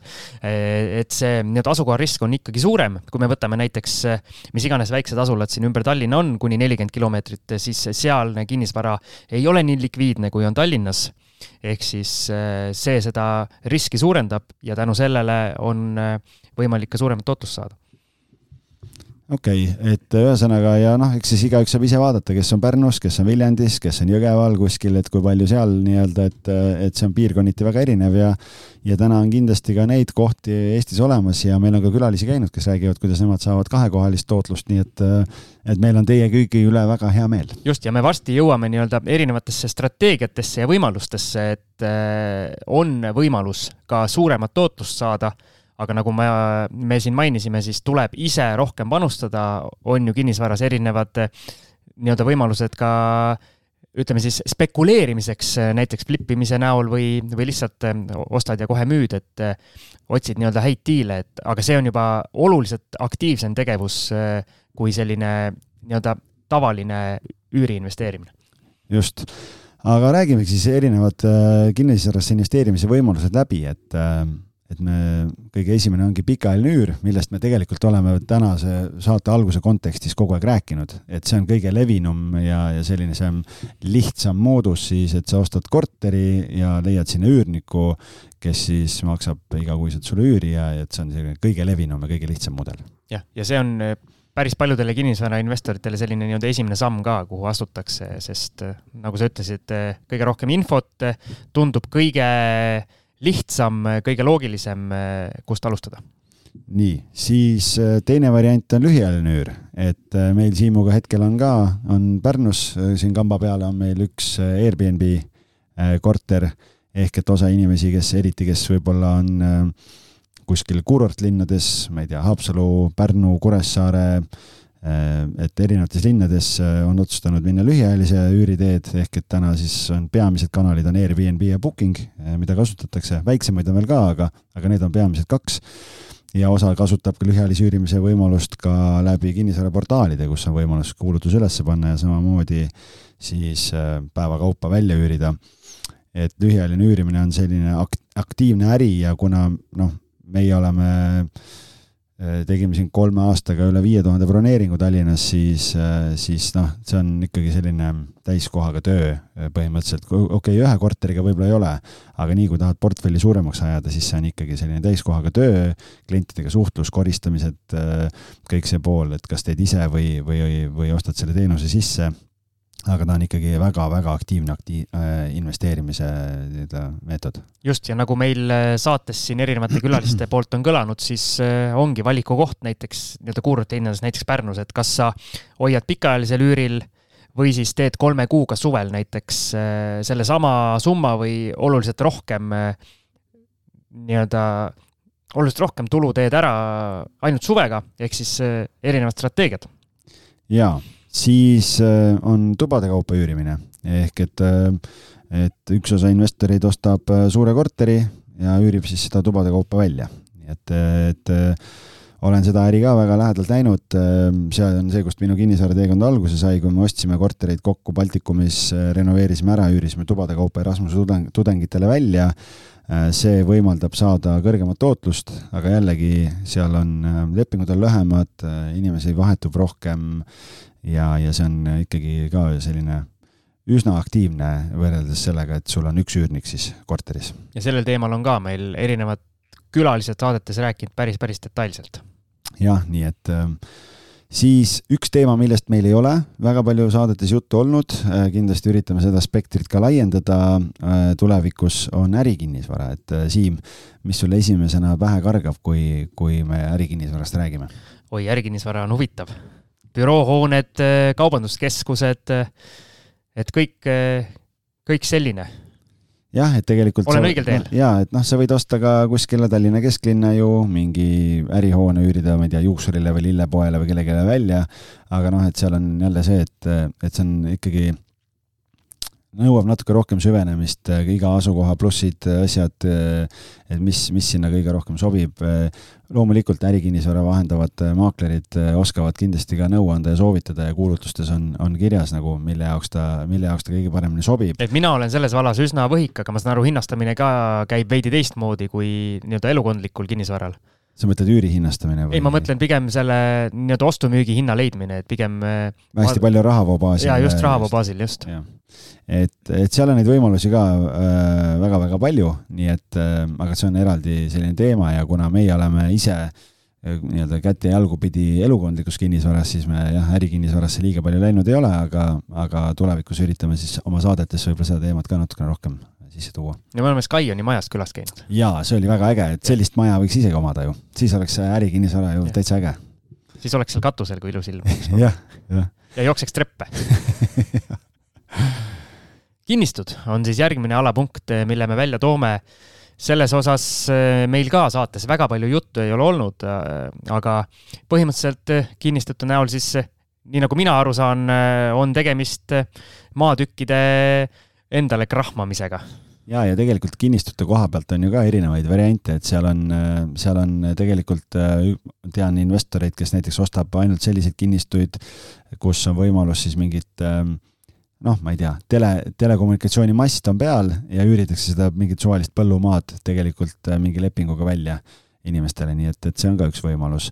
siis üks osa investorid on sellised, kes tegelikult teevad äh, või ostavad mingi kinnistu, mis on näiteks maatulundusmaa, algatavad sinna detailplaneeringu, müüvad, teevad selle elamumaa tükkideks ja müüvad ära, aga noh, see on juba selline edasijõudnud asi rohkem, et alustava investorina seda võib-olla nagu nii palju ei tehta. just, järgmine punkt on meil garaažid, ehk siis oh.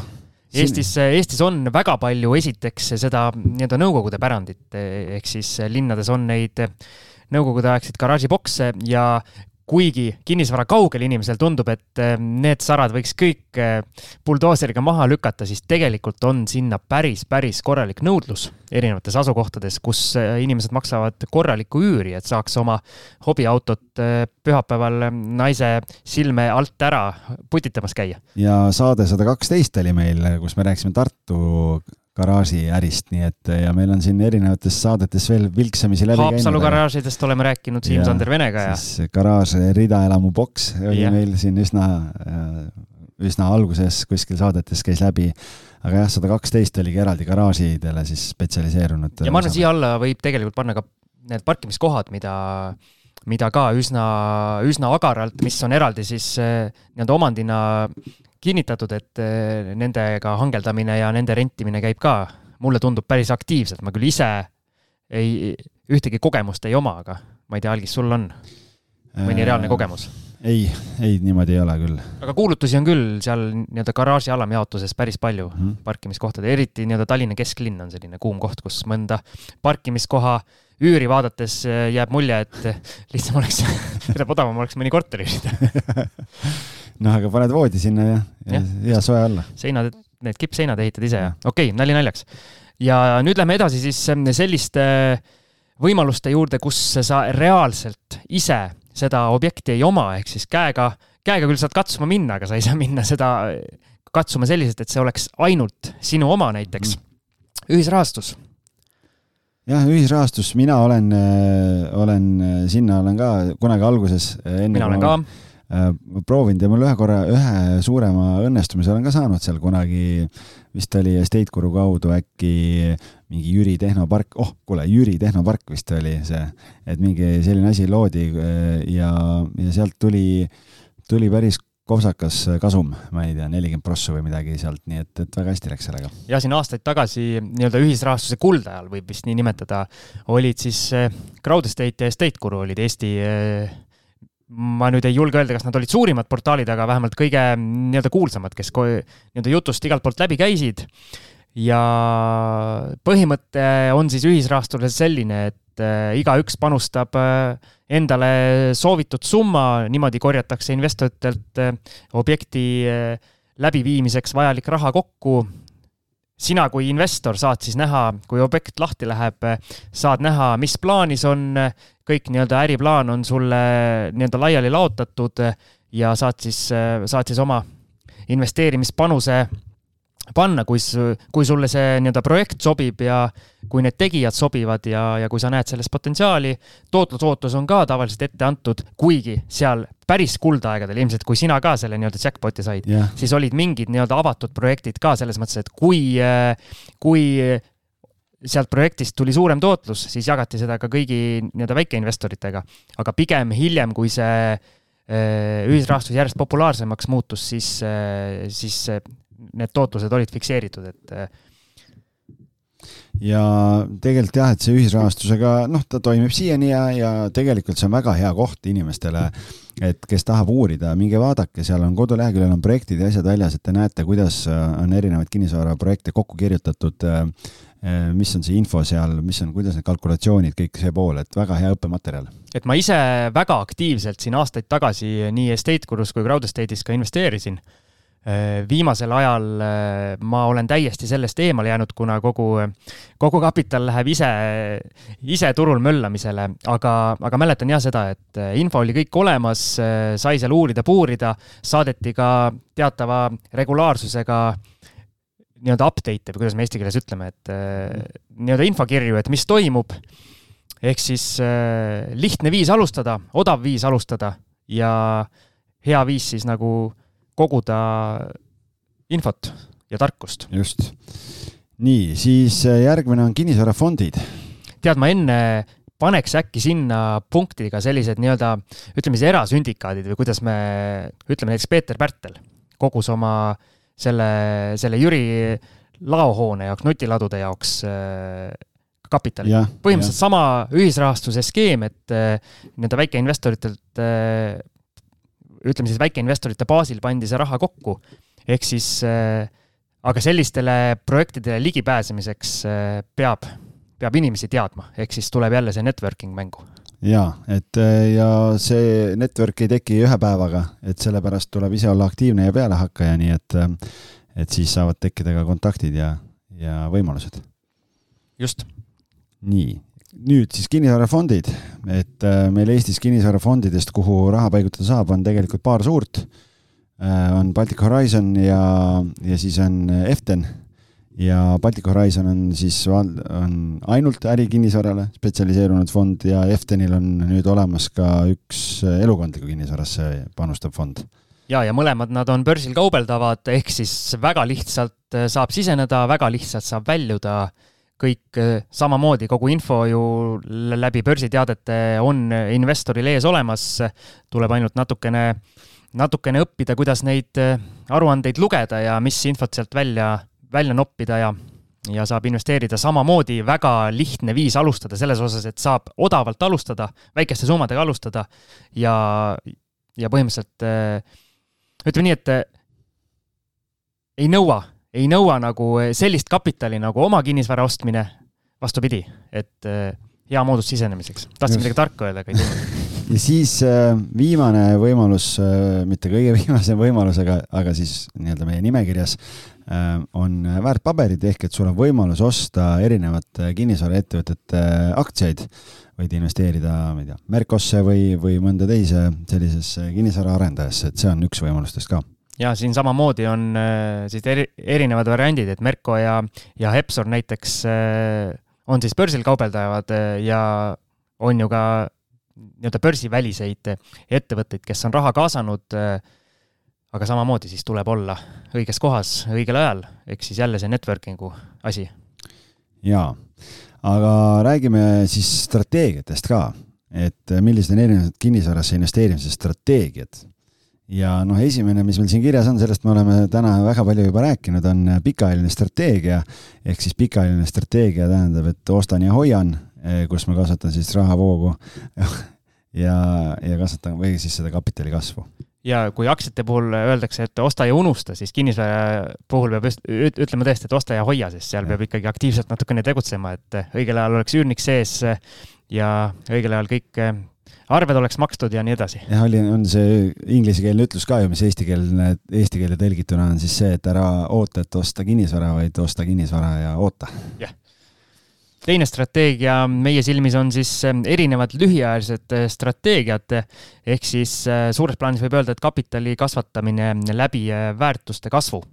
jah, ehk siis esimene on selline Siimu lemmik ehk siis tegelikult Siimu lemmik on teine, aga meil on saates käinud väga palju külalisi ka, kes on rääkinud siis sellest, kuidas korterit flip ida ehk et ehk siis täielik korteri renoveerimine selle eesmärgil, et see ära müüa, ehk et ostad, ostad, mida õudsem korter, seda parem reeglina, no muidugi hind peab ka olema hea, äh, renoveerid täielikult ära ja müüd siis kasumiga maha. jah, siin äh, põhimõtteliselt tuletame meelde seda algise kuulsat äh, kinnisvara vanasõna, et raha tehakse kinnisvaras ostes. jah, et ainult see, et on kõvasti haisev korter või, või kõige koledam linnakorter, et see ei ole veel hea investeering nagu igas kuulutuses kirjas. just, et ikkagi hind peab olema see, mis on nagu, on esimene kriteerium. just ja üks nii-öelda õiendus ka siia, et hästi palju tegelikult seda sõna flip imine kasutatakse üsna erinevates kontekstides. ehk siis seda flip imist võidakse kasutada nii, nagu meie seda praegu siin kasutame, ehk siis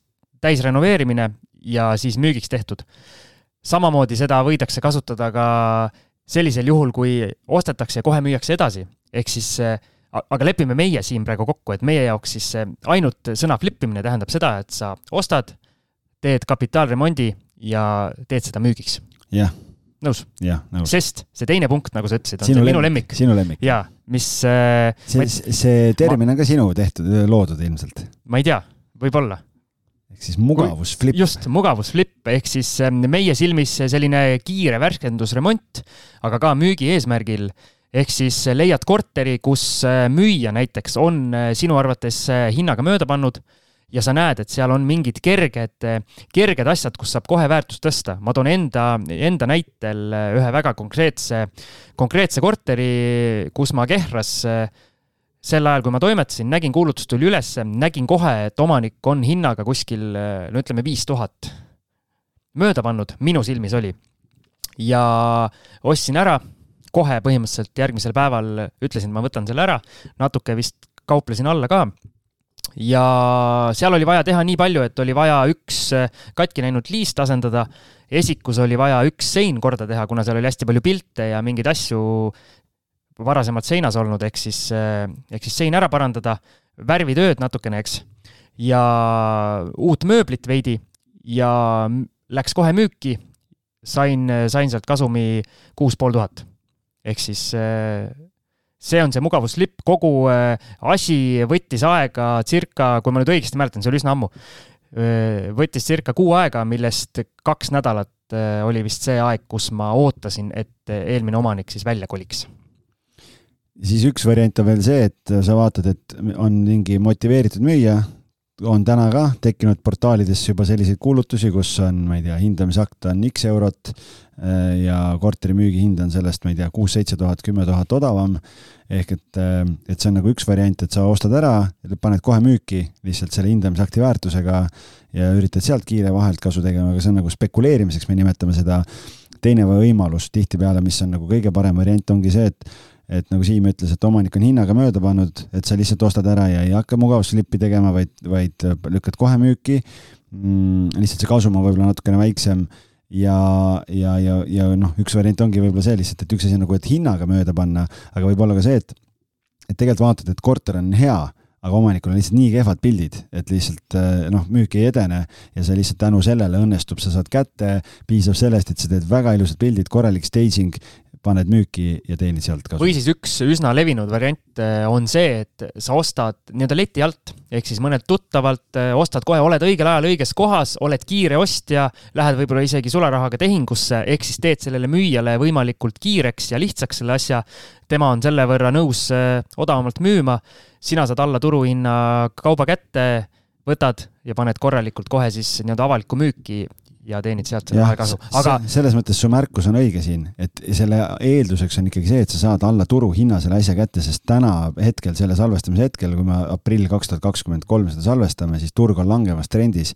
ehk et täna seda lootust, et oh, et ostan turuhinnaga, hindamisakti hinnaga, teen uued pildid ja panen kallimat müüki, et see täna ei toimi, et see kaks tuhat kakskümmend kaks, kaks tuhat kakskümmend üks väga paljud teenisid sellega raha, aga praegu hetkesel turu olukorras see pole võimalik ja lihtsalt sa korra tõid selle sõna spekuleerimine siia, siis äh, selles osas me natukene võib-olla venitame seda kummi nüüd, et kui me paneme, või tähendab, räägime praegu kinnisvarasse investeerimise strateegiatest, siis need lühiajalised strateegiad on kas rohkem või vähem ikkagi spekuleerimised, ka, ka nii-öelda täis flip imine või siis see täisrenoveerimine on ikkagi spekuleerimisega üsna lähedalt seotud, kuna äh, seal ei tohi, või ütleme, kui sa seda päris päris õigesti teed, siis eh, saab seda ka nii-öelda langeval turul teha, kui sa ostes ikkagi eh, väga hea diili saad.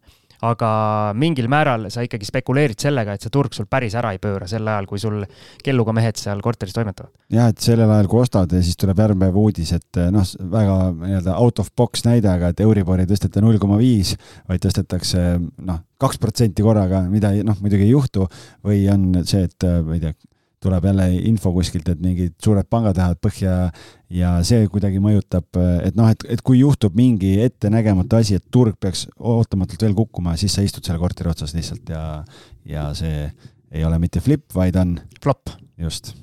mugavusflop siis ta ei ole mugav, see on ebamugavusflop on see siis ja siis järgmine punkt on meil kirjas eh, probleemi lahendamine, ehk siis eh, kõige lihtsam mõnel korteril äh, või objektil on paberimajandus korrast ära. seesama siis... sinu Saue korter, mille sa no näiteks, no näiteks jah, et äh, on reaalsuses kolm tuba, paberites on kaks tuba, kolmandat tuba kunagi äh, nii-öelda seaduslikuks teha ei saa, kuna on ruutmeetritelt liiga väike. see on üks variant, äh, teine variant, näiteks eramute või tegelikult ka kortermajade puhul mõni, mõnikord ei ole kadus, ei ole kasutusluba näiteks, et et kõik sellised asjad, kus kas siis ootamise või enda aktiivse tööga mingil hetkel need probleemid lahenduvad ja sel hetkel siis müüd selle objekti edasi. ja, ja siis äh, kui nüüd edasi vaadata, et need olid nagu lühiajalised strateegiad, et kõigepealt olid pikaajalised strateegiad, siis nüüd olid lühiajalised strateegiad, siis üks selline mitte väga levinud, aga üks võimalus on see, et, et elad sees ja flipid ehk et äh, põhimõtteliselt see tähendab seda, et sa ostad kodulaenuga korteri endale, kolid sinna ise sisse ja siis hakkad tuba, toakaupa nii-öelda hakkad renoveerima ja teed korteri valmis ja siis müüd maha. ehk et selle eelis on see, et äh, sa saad seda teha kodulaenuga ja sul on väiksem omafinantseering, sest reeglina, kui sa tahad kinnisvarasse investeerima hakata, siis pank tahab nelikümmend või viiskümmend protsenti omafinantseeringut saada ja tuleme siia veel, et meil on saates panka külas käinud, et tegelikult päris alustajatele pank ei tahagi kohe laenu anda, ehk et see on võib-olla üks esimene võimalus, kuidas siis väiksema omafinantseeringuga alustada, et kui sa ostad viiekümne tuhande eurose korteri, pank ütleb sulle, et eh, jah, sa kümme protsenti pead sisse maksma või kui pead kakskümmend protsenti sisse maksma, on kümme tuhat, kui pead kümme protsenti sisse maksma, viis tuhat ja siis hakkad seal äh, põlve otsas hakkad tegema ja teed selle valmis ja siis müüd kasumiga maha. ja, ja kui sa teed seda eraisikuna, siis põhimõtteliselt, kui sa tahad äh, tulumaksukohustusest äh, nii-öelda hoiduda, siis sa saad iga, iga kahe aasta tagant saad niimoodi oma kodu vahetada, ehk siis kolid uude kohta, kahe aastaga renoveerid ära, müüd maha, lähed järgmisesse. Ja on meil on tegelikult ka ju käinud selliseid külalisi, kes ei ole küll teadlikult nii-öelda nii-öelda ela sees ja flipi teinud, vaid elan, ostan, elan sees, pere kasvab, äh, panen üürile või müün ära, võtan suurema ja niimoodi kasvatanud ja sealt on tekkinud kas kapitali kasv või siis kinnisvaraportfell, et see korter on alles jäänud, on ostnud uue ja see on läinud üürile ja niimoodi hakanud see asi nagu kasvama. huvitav oleks, kas mõni inimene päris teadlikult ka niimoodi on teinud, et, et siis ongi äh, võtnud selle perioodi, see kaks aastat äh, ja, ja teinudki müügiks siis nii-öelda selle flipi ja siis edasi kolinud. jah, meil sellist külalist ei ole küll käinud, et äh, et sellised on jah, et kes on jätnud nagu endale üüriportfelli, aga niimoodi, et nagu müüb eelmise maha ja ostab järgmise ja siis teeb selle korda.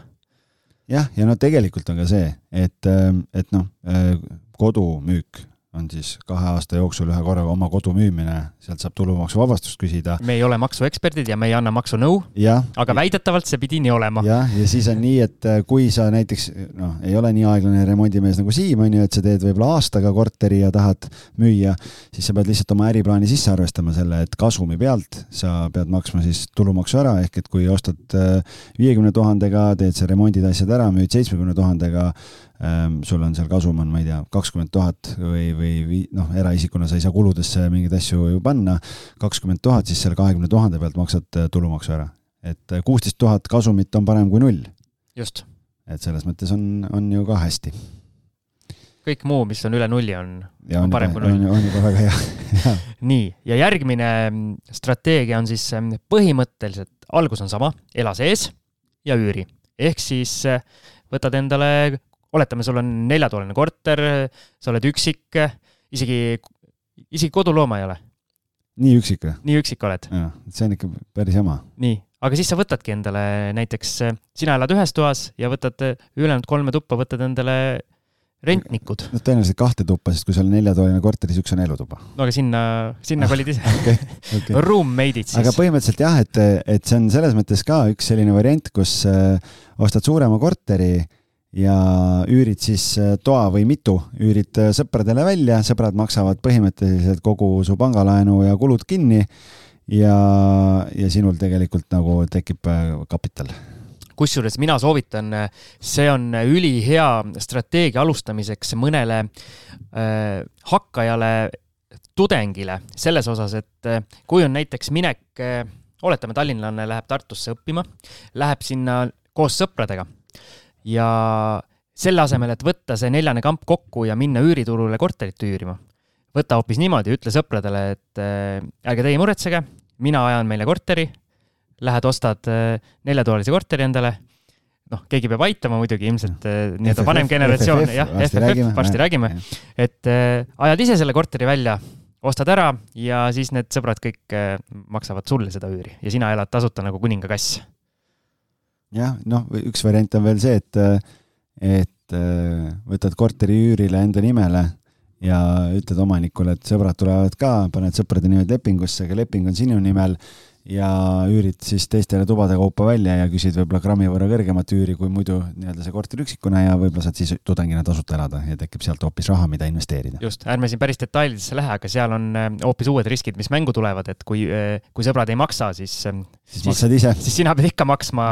nutad ja, nutad ja maksad. just, ja teiseks on see, et ikkagi sellisel juhul, kui sa sellise nii-öelda arbitraažiga tegeled, et siis äh, sellele üürileandjale tuleks sellest teada ka anda. jaa, muidu see on lepingu rikkumine ja siis võib, äh, võib pahasti minna.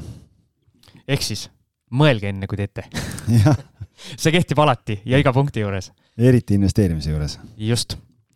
kas lähme edasi? Lähme. kust raha saab, kui tahavad kinnisvarasse investeerima hakata? mina tean, üks variant sa oled nii rikas, et äh, sa maksad kõik ise kinni, ainult omafinantseering. rikas Kanada onu suri ära ja, ja pärandas sulle raha ja, ja siis sa saad. või siis sa oled lihtsalt ennast toimetuks töötanud, äh, kogunud mammonat ja, ja siis. kümme aastat näed vaeva ja siis saad endale korteri osta. mina kellelegi võlgu olla taha tüüpi inimene ja lähed ja ostad ainult oma rahaga. et seal on omad plussid, seal on omad miinused miinus äh, ilmselt ongi see, et raha kogumine võtab, enamus inimestel võtab kauem aega mm Äh, ja miinus on ka see, et sa ei saa ikkagi maksimeerida seda, seda võimalust, äh, mis kinnisvara pakub, et äh, kaasata siis võõrast kapitali. jah, siis teine variant on pangalaen. ja pangalaenu puhul on siis kaks varianti, et sa saad kas eraisikuna võtta kodulaenu või sa võid eraisikuna võtta ka tegelikult on, on teist laenu. no lihtsalt kinnisvara tagatisel laen on vist selle nimi. et ja, ja teine variant on siis ettevõttena just, et ostad kinnisvara ettevõttele, mis sul juba on toimiv, või siis sa paned eraisikuna ettevõttesse raha sisse ja ostad ettevõtte alla selle korteri. lihtsalt finantseerimise tingimused on erinevad ja siin on ka jälle erinevatel pankadel on väga erinevad äh, mudelid ja finantseerimismetoodikad, nii et tasub uurida kindlasti. üsna palju tuleb meile küsimusi, et äh, mis, äh, mis tingimustel pangad laenu annavad ja minu vastus sellele on alati see, et kirjutage kõik asjad lahti, kirjutage pankadesse oma soovist, pange siis eh, eeldatavalt mingi konkreetne objekt ka, et oleks näha, mida te teha tahate, mis teie visioon on, kirjutage kõikidele pankadele läbi ja siis te saate väga detailselt ikkagi eh, endale selgeks, mis eh, riskiisuga mingi pank hetkel on, sest erinevatel ajahetkedel on minu kogemus ka see, et erinevad pangad pakuvad erinevaid tingimusi ja see pank, mis kaks aastat tagasi näiteks sulle pakkus kõige paremaid tingimusi ja oli kõige varmamalt äh, valmis sulle laenu andma, ei pruugi seda kaks aastat hiljem enam olla. jaa, aga kui sa veel mingil põhjusel pangakõlbulik ei ole ja just kuulad praegu seda saadet ja mõtled, et tegelikult ma tahan investeerima hakata, siis äh, kõige kiirem eh, ei saa öelda, et kõige lihtsam, sellepärast et emotsionaalselt võib-olla kõige raskem just, aga sinu ümber on sõbrad-tuttavad äh,, erinevad inimesed, ehk et inglise keeles siis selline termin nagu FFF, Friends, Fools and Family. et äh, eesti keeles oli ta sõbrad äh, saama ja SS, mis ta oli, sõbrad saamaimulised ja, ja. keegi oli veel. keegi oli veel ehk et, äh, et nende käest minna ja, ja, ja küsida, et äh, kes, kellel raha on ja kes oleks nõus sulle siis äh, seda raha andma ja, ja siin äh, oleme erinevad variandid natukene kirja pannud, et äh, päris lähedastelt inimestelt võib-olla on võimalik isegi ilma intressita laenu saada selles aspektis, et võta, aga pane tagasi. jah, et hea on, kui annad tagasi kunagi. et see võib olla sul ema, isa, vend, kes iganes, väga lähedane sõber või kellega sul on, olete aastakümnete jooksul igasugust tulest ja jamast läbi käinud, et äh, ütleb sulle, et muidugi ma annan sulle just, ja nii-öelda FFF äh, puhul on äh, see variant, et saab nii-öelda bullet laenu küsida. et point on siis selles, et maksad kogu laenu tagasi alles nii-öelda projekti lõpuks, näiteks flippimisel suurepärane asi, ei pea jooksvalt seda annuiteetgraafikut maksma, kui sa pangast võtad, eks. et see on üks variant. ja bullet'it on ka veel erinevat, et on üks bullet on selline, kus äh, sa võtad näiteks, ma ei tea, aastaks ajaks võtad laenu ja sa maksad tagasi igakuiselt maksad ainult intressi, kokku lepitud intressi ja põhiosa maksad lõpus ja, või siis on nagu täis bullet, kus äh, intressiarvestus toimub ikkagi, aga sa maksad äh, nii põhiosa kui intressi tagasi siis, kui tehing on tehtud või selle nii-öelda laenuperioodi lõpus või siis sul on võimalus ka varasemalt tagastada lihtsalt siis, et, et sa ei pea jooksvalt maksma, vaid siis, kui nii-öelda projekti oled ära teinud. just, ja see nüüd ei ole nüüd päris laen kui selline, aga sa võid intresside asemel nii-öelda laenajale pakkuda ka kasumi jagamist, ehk siis nii-öelda presenteerid sõbrale oma, oma äriideed, talle see meeldib, lepite kokku, et kasum viiskümmend, viiskümmend, ühe, ühe poolt on siis kogu see higikapital ja teise poolt on lihtsalt kapital siin on muidugi algisel kirja pandud, et minu poolt higikapital, sinu poolt pisarad jah, noh, et selles mõttes see, see käib ka asja juurde. ja, ja siis üks variant on see, et kuule, aga teeme koos. Et äh, tule, teeme koos, kaks pead on kaks pead, kaks rahakotti on kaks rahakotti, selles mõttes, et äh, me saame kiiremini kasvada ja teeme koos. Siim on ka teinud siin Heikiga koos ja, ja nii-öelda tasub, tasub äh, nii-öelda sõbrad kampa võtta ja saab kiiremini kasvada. just, kõige lihtsam siis viiskümmend, viiskümmend, et jagate kõik pooleks, kapital, töö ja vaev täpselt keskelt pooleks. kui nii õnnestub, on, on suurepärane, kui ei õnnestu, siis peate erinevaid nii-öelda kokkuleppeid tegema siin minu soovitus, alati kõik kokkulepped kirjalikult ka kõige parema sõbraga ja ette. jaa, sellepärast, et kõik oleks fikseeritud. Kõik oleks fikseeritud, et, et pärast ei võimalikke jamasid äh, vältida. et äh, ja siis üks teema või võimalus on see, et on müüjalt võimalus järelmaksuga osta. Siim, kas sul on järelmaksuga ostmise kogemust?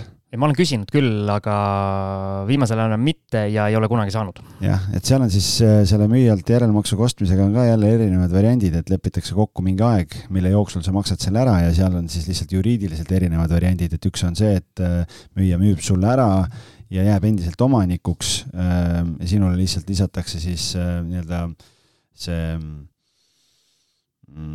isiklik kasutusõigus sinna kinnistusraamatusse ja teine variant on see, et müüja müüb sulle ära, sina saad omanikuks ja temale siis seatakse hüpoteek, et kuniks sul on kõik see summa talle ära makstud.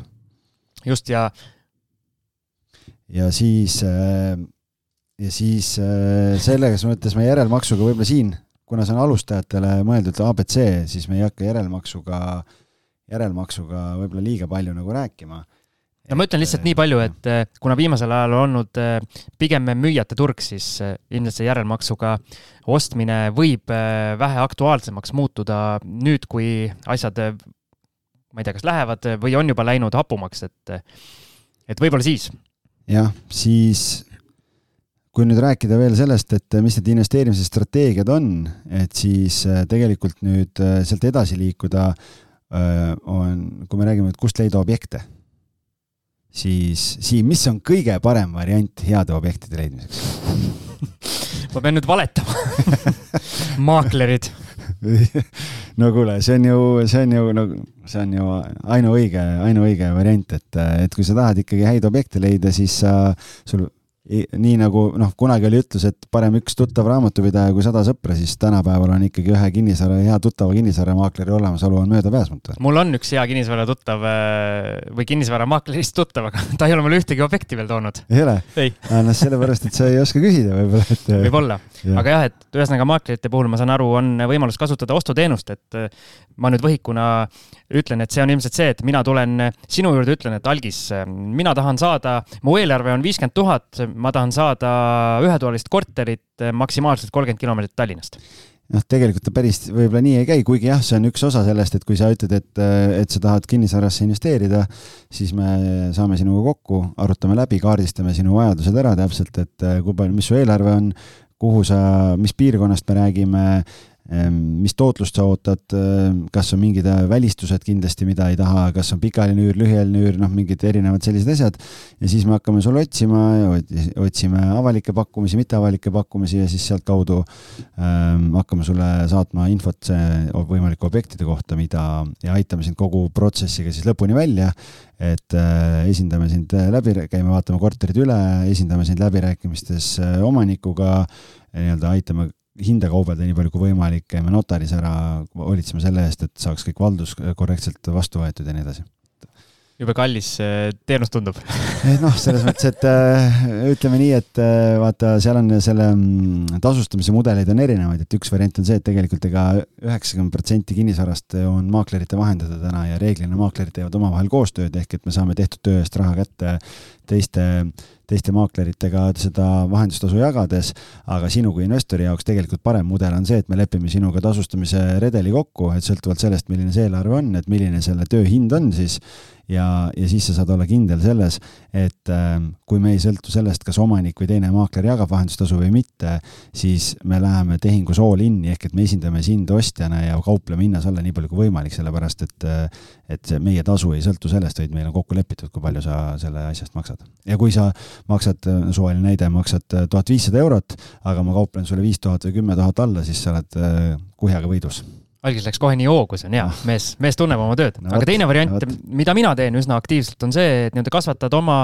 oma network'i maaklerite hulgas, ehk siis ükskõik, mis korterit ma vaatamas käin või, või, või ostmas käin, siis äh, nii-öelda mainid maaklerile igale maaklerile, keda sa tänaval kohtad, et äh, näed, et ma otsin ühetoalist kuni kolmkümmend kilomeetrit Tallinnast, eelarve enam-vähem sinna viiskümmend tuhat, et kui sul midagi müüki tuleb, siis, siis pane mulle meil. Ja mul on tulnud juba nii-öelda letialuseid pakkumisi päris mitmeid, nii-öelda pakutakse, et korterit, mis on müüki tulemas, ehk siis maakleril on selline nii-öelda network olemas, kellele pakkuda, et võib-olla ei peagi seda kuulutust üles panema ja aktiivset müügitegevust alustama, on nii? et see on äh, seda kultusfilmi tsiteerides, et äh, ma olen jurist ja, ja ma maksan või? jah. Nii, maaklerid, äh, kui sul on hea maakler on olemas, see on üks variant, siis teine variant muidugi on see, et on kinnisvaraportaalid kus on ju. no tegelikult, kui mina oleks selle listi teinud, siis mina oleks selle nagu esimeseks pannud. Heureka, ei no maakleri, hea maakleri olemasolu on ikka olulisem kui see, et oskust minna kv.ee või kinnisvara24.ee või city24.ee. ma mõtlesin, et sa ütled, et hea maakleri olemasolu on äh, olulisem kui kinnisvaraportaalide olemasolu et äh, no kunagi oli, et äh, tegelikult veel enne internetiajastu algust käis ju kogu info käis maaklerite kaudu ja kui tahtsid osta midagi, siis tulid, pidi minema kinnisvarabüroosse ja, ja siis sulle räägiti, mis pakkumisi saada on aga jah, portaalide kohta meil varsti on tulemas üks huvitav saade. meil on varsti tulemas üks huvitav saade tõesti, sest äh, meil on, äh, meil on ühe kinnisvaraportaaliga algamas koostöö, nii et, äh, et ootame huviga ja, ja. siis räägime juba täpsemalt, kuidas see elu ja, elu ja ilu seal päriselt toimub? lihtsalt nii palju võib-olla portaalide kohta tahaks öelda, et, et kes tahab olla natukene out of box mõelda ja olla loovam ja leida, leida rohkem lahendusi, siis tasub mõelda ka selle peale, et et lisaks müügikuulutustele vaadata ka üürikuulutusi ja, ja võib-olla kui on näha äh, kas siis A, mõnda sellist korterit, mida tahaks enda portfellis omada, kirjutada omanikule, et äkki ta on kaalunud korteri müümist, et sa tahaksid endale ära osta, või siis B, variant selline, kus sa näed, et äh, see korter on nii kehvas seisukorras, et ilmselgelt sellel omanikul ei ole viitsimist, tahtmist või oskust selle korteri väljaüürimisega või tegeleda, et võib-olla tegelikult see on mingi noh, nii-öelda Brežnevi pakike tal äh, kaelas, et siis ta äkki tahab ära müüa hoopis. Olen teinud, olen ka jutule saanud, aga ühtegi objekti selliselt veel saanud ei ole, aga küll tuleb ka see aeg ükskord. järgmine variant siis objektide ostmiseks ja otsimiseks on erinevad oksjonid ja oksjonid on siis kohtutäituritelt, millest meil oli just äh, pikk saade siinsamas. saade sada kolmkümmend. jah, seda sa siin korrutad ja teevad ka omavalitsused äh, oksjoneid erinevates keskkondades, ehk siis äh, ma ei tea, kas kuskil veel neid kuulsaid ümbrike oksjone ka tehakse?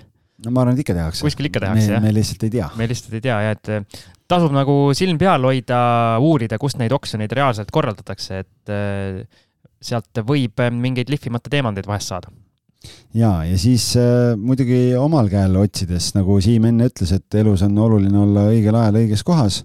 ehk kui mõni sõber või sugulane hakkab müüma näiteks või, või Ehm, kuskil sotsiaalmeedias hakkab silma, et, et keegi müüb, et veel portaalides üleval ei ole, siin praegu just plaanin müüma hakata ähm.... erinevad piirkondlikud grupid, kus äh, mulle meeldib alati ennast sisse möllida kuskile piirkondlikusse gruppi, kus ma kas kavatsen osta mõne objekti või mul juba on mõni objekt ja siis näeb väga hästi, sinna tulevad äh, üürikuulutusi, sinna tuleb ostusoove, sinna tuleb müügisoove. ehk siis sotsiaalmeedia siis ja, ja siis äh, muidugi naabrid. et kui, kui sa oma trepikojas naabritega just sõjajalal ei ole, siis, siis kindlasti seda infot tuleb, kui keegi plaanib müüma hakata midagi ja võib-olla sa saad enne jaole, kui see üldse avalikku müüki läheb. ja kui satub veel selline naaber ka olema, kes väga ei tea, millise hinnaga müüa, siis võib-olla õnnestub ka sealt nagu jackpot saada. ja, ja flaierid, paned siis, teed korraliku kirja, et otsin, ma tahan et tahan selles majas äh, korterit osta, palun tehke pakkumised siia ja siia ja paned kas siis postkasti või kleebid maja uksele, teed selle ilusa rebitava aluse, et saab. Äh, kadunud kass, et palun helistada ja siis saad tõmbad telefoninumbri sealt ja, ja, ja. või siis näiteks äh, hästi palju mina olen, mina olen kohanud sellist flyeri süsteemi just garaažide otsimisel, kuna mingites piirkondades garaažide müügipakkumisi no põhimõtteliselt ei ole üldse, siis pannaksegi äh, garaažide seintele nii-öelda kirjad, et eh, kes tahab müüa, siis eh, mina ostan hea meelega. ja ilmselt need asjad liiguvadki enne, kui üldse kuskile portaalidesse jõuavad. jaa, ja siis kes tahab veel väga, väga proaktiivne olla, siis on võimalus ka sadomaso jah, külmi kõnesid teha, aga noh, selle külmade kõnedega on, on nagu see lugu, et, et külmade kõnede all, noh, kui me räägime portaalidest, siis sina ühe ostjana omanikule helistad, see ei ole külmkõne, aga, aga see tähendab lihtsalt seda, et noh, suvaline näide, et sa tahad nii väga ühte mingisse konkreetsesse majja omale korterit saada ja siis sa lihtsalt teed selle kodutöö ära, et saada kõikide korteriomanike kontaktid ja helistad neile, aga sellega on natukene libe tee, sellepärast et tegelikult selleks, et nende korteriomanike kontakte saada, sa peaksid äh, registrist äh, siis äh, saama omaniku andmed, aga sellega on jälle see asi, et kui sul puudub õigustatud huvi, siis sa tegelikult ei tohi sinna registrisse teise inimese äh, nii-öelda isiklikku ellu tuhnima minna, et, äh, et see nagu päris nii ei käi. aga võtame siis ühe, ühe sellise variandi ka, näiteks äh, sa tead, et sinu kodukülas väga magusas kohas on üks kinnistu, sa tead, kes selle omanik on ja sa tead, et midagi hakatakse tegema, mis selle kinnistu väärtust selgelt võib-olla tulevikus muudab ja siis sa võtad kõne peale sellele omanikule, ütled, kuule, kas sa ei ole mõelnud, äkki, äkki müüd ära? vaatan, seisab sul siin niisama, et, et äkki tahad müüa. ja et selles mõttes, jaa, on küll, on küll. et kinnistutega seda tõenäoliselt ongi ka lihtsam teha, kui mitte niimoodi, et võtad maja, majas oleva neljakümne kaheksa korteriomaniku andmed kuskilt ja aga, aga noh, teistpidi jälle ei tähenda, et keegi sulle kohe kõrri kargab, kui sa seda oled ära teinud, et see on nii-öelda omal vastutusel. Disclaimer oli see. aga hakkame lõppu jõudma. hakkame lõppu jõudma jah, aga kõike seda nüüd, kui ma tahan hakata tegema, oletame, algis, mul on kõik valmidus olemas, sära on silmis, kapitali on taskud täis. kas seda teha eraisikuna või ettevõtte alt? Noh, see sõltub hästi palju jälle sellest, et, ähm, et ähm, kuidas, kuidas kellelegi, et meil on ju mõlemaid investoreid käinud väga palju. vasta konkreetselt palun. meil on väga palju investoreid käinud saates, kes teevadki eraisikuna, sellepärast et äh, et nad ei ole tahtnud kuidagi ettevõtte alla oma tegevust liigutada, aga siin ongi erinevad nüansid, mida siis peab nagu arvestama lihtsalt sellega. ma segan sulle vahele, hästi levinud variant on tegelikult, et äh, mingi äh, segu nendest kahest või et alustatakse eraisikuna ja siis liigutakse ettevõtte alla. jah, ja võib-olla mingid asjad veel eraisikuna tiksuvad edasi. jah, või võtad juurde ja siis sealt, jah. aga millega peab arvestama, lihtsalt see, et äh, ettevõtte alt tehes äh, või noh, tähendab, üks asi on see, et on äh, maksuerinevus on, et nagu enne ka juba rääkisime, et siin tulumaks, et kui sa ettevõtte alt teed, siis tulumaksu ei ole, noh, teistpidi jälle, kui sa tahad seda äh, tulu välja võtta ettevõttest ehk et ei kasuta seda reinvesteerimiseks, vaid äh, tahad nii-öelda igapäevaselt ähm, elada sellest rahast, noh siis sa pead ikkagi dividendi või, või palgana selle endale välja maksma ja sealt ikkagi makse maksma. aga et see ongi üks pool, et lihtsalt kui ettevõtte alla minna, siis tuleb nagu raamatupidamise pool tuleb sinna veel juurde, et on vaja raamatupidamis, raamatupidamislik pool peab korras olema nii et, äh, et, et seda, see on enda jaoks vaja nagu läbi mõelda, siis on, äh, enne rääkisime, et finantseerimisel on erinevad äh, nüansid, et pangad finantseerivad erinevalt ja loomulikult ka riskid on erinevad, et Siim, sina teed ettevõtte alt, milliseid riske sa oskad kohe välja tuua? issand, mind pandi tanki nüüd niimoodi, jah? Nojah, et ma ütlen, et me võime koos, koos nuputada. no nuputame koos. noh, selles mõttes lihtsalt on see, ma riskin? eraisikuna on see risk, et äh, kui sa lähed, äh, kui sul ebaõnnestub, siis sa vastutad kogu oma naha ja karvadega. naha ja karvadega ja, ja, ja võib sul eraisiku pankrot tulla või, või oled kuskil maksehäiretes üleval või ehm, kohtutäituri poolt eh, noh, nii-öelda oleme rääkinud, eh, sekkutakse. Eh, ettevõttena on see, et kui sul on ettevõtte all asjad, siis kui ettevõte läheb, ettevõttega läheb kehvasti, siis sa päris oma naha ja karvadega kõigega ei vastuta, et su eraisiku varad ja asjad jäävad nagu puutumata aga see ei tähenda seda, et vastutust ei oleks, on ju, et, et, et lihtsalt natukene need riskid on nagu erinevad ja, ja tihtipeale kipub lihtsalt nii olema, et kui ettevõtte alla juba minnakse, siis need mastaabid kipuvad suuremaks minema ja kui siis seal, seal nagu äh, hapuks läheb, et siis, siis kolin võib nagu selle võrra suurem olla lihtsalt. üks, üks risk, ma ei tea, kas seda isegi riskiks saab nimetada, aga mis mul praegu tuli siin jutu käigus, kargas pähe, siis näiteks nii-öelda turul toimetades, kui sa teed seda ettevõtte alt siis äh, sa ei ole päris sama, samaväärne turuosaline, kui on eraisik, ehk siis kui mingid jamad tekivad ja asi läheb kohtuni välja, siis eraisik on äh, nii-öelda kohtu poolt äh, ma olen vähemalt niimoodi aru saanud, on nagu suurema kaitse all vähe, et, et kui sa teed seda ettevõtte alt, siis sa, eeldus on see, et sa oled nii-öelda professionaalne turuosaline. on mul õigus? jah, on küll õigus, jah, on küll. ehk siis see võib nagu sinu vastu siis nii-öelda nagu riskiks äh, või siis miinuseks nagu minna mm. -hmm.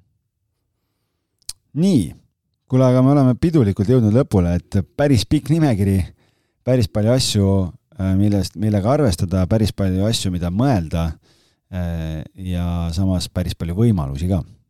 just, ja nagu me saate päris alguses rääkisime, siis meil on plaan kõik need teemad päris konkreetselt juppideks ja ribadeks võtta, ehk siis detaili minna. Täna oli siirup, siit sellest teeme ühe korraliku hea morsi või? jah, kui sa nii tahad öelda. et noh, selles mõttes jaa, et, et, et tegelikult kui nüüd nende teemade peale, et me ju libisesime siit üle, et tegelikult kui kõik need teemad on meil plaanis, siis seal seal veebikoolitusel ükshaaval juppideks lahti võtta ja, ja koos mingite eluliste näidete ja asjadega, nii et et äh, olgu need siis need äh, tootlusarvutused, olgu need erinevad finantseerimisvõimalused, äh, näiteid seal lühiajalisest üürimisest ja kõigest sellest poolest, millega peaks arvestama siis, kui teha äriplaane näiteks või, või vaadata, et kuidas eristub näiteks lühiajalise üüri korter ja sellega seonduvad ost ja kulud sellega, kui sa pikaajalise üüri korterit ostad. et, et ma arvan, praegu ajaliselt ei oska hinnata, Siim, kui kaua, kui pikalt meil praegu läks? poolteist tundi. noh, võtame selle alguse, alguse jutu maha, on ju, üle tunni aja.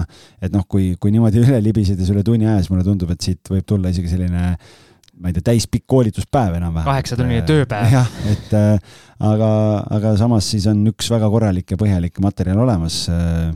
ja igaüks saab siis äh, kes peab vajalikuks või soovib, on võimalus võtta, osta ja õppida.